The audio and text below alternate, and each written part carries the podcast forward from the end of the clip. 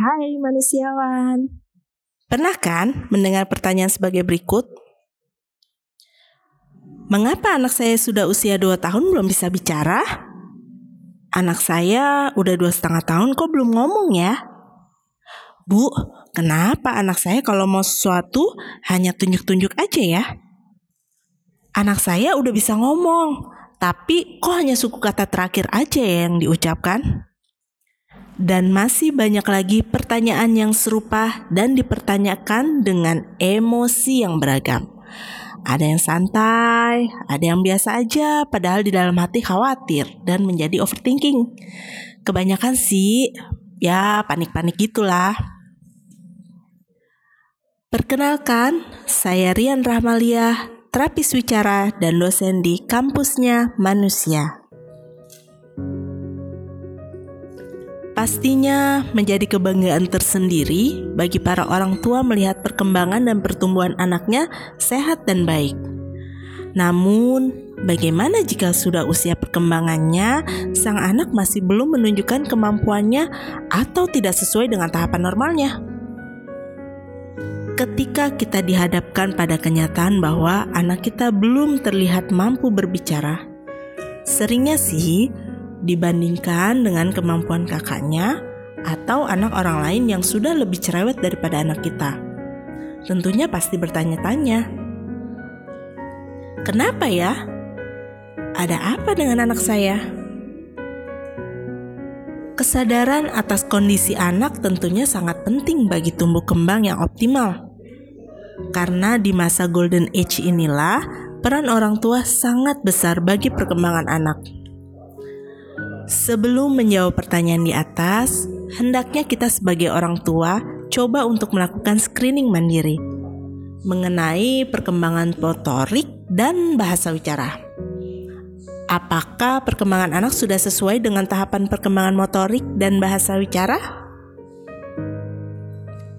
Setiap anak tentunya memiliki milestone masing-masing. Namun, harapan orang tua pastinya sejalan dengan usia. Bahwasanya fase demi fase tahapan sangatlah berpengaruh bagi anak. Maka itu bisa dikatakan wajib bagi orang tua aware terhadap fase-fase ini. Dimulai dari bayi baru lahir di mana menangis merupakan satu-satunya cara untuk berkomunikasi. Kemudian, bayi akan belajar tersenyum dan mengeluarkan suara atau ocehan-ocehan.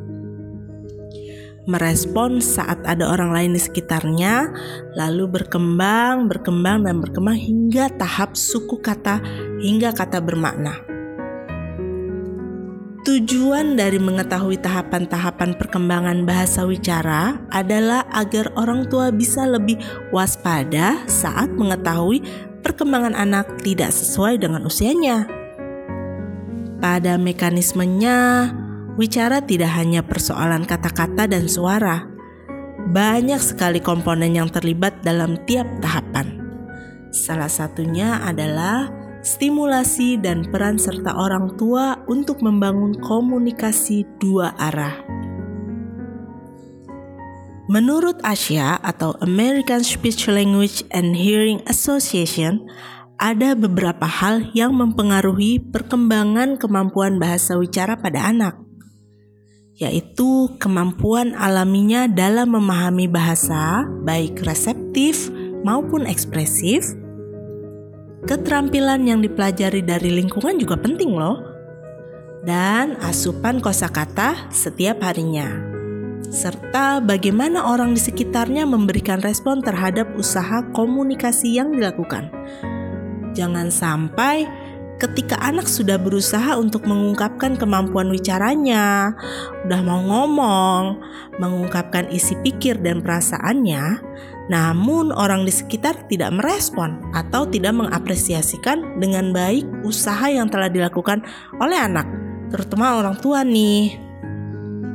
Jadi, apa saja ya yang harus dicek saat anak kita sudah sampai red flag kita lanjutkan di sesi selanjutnya.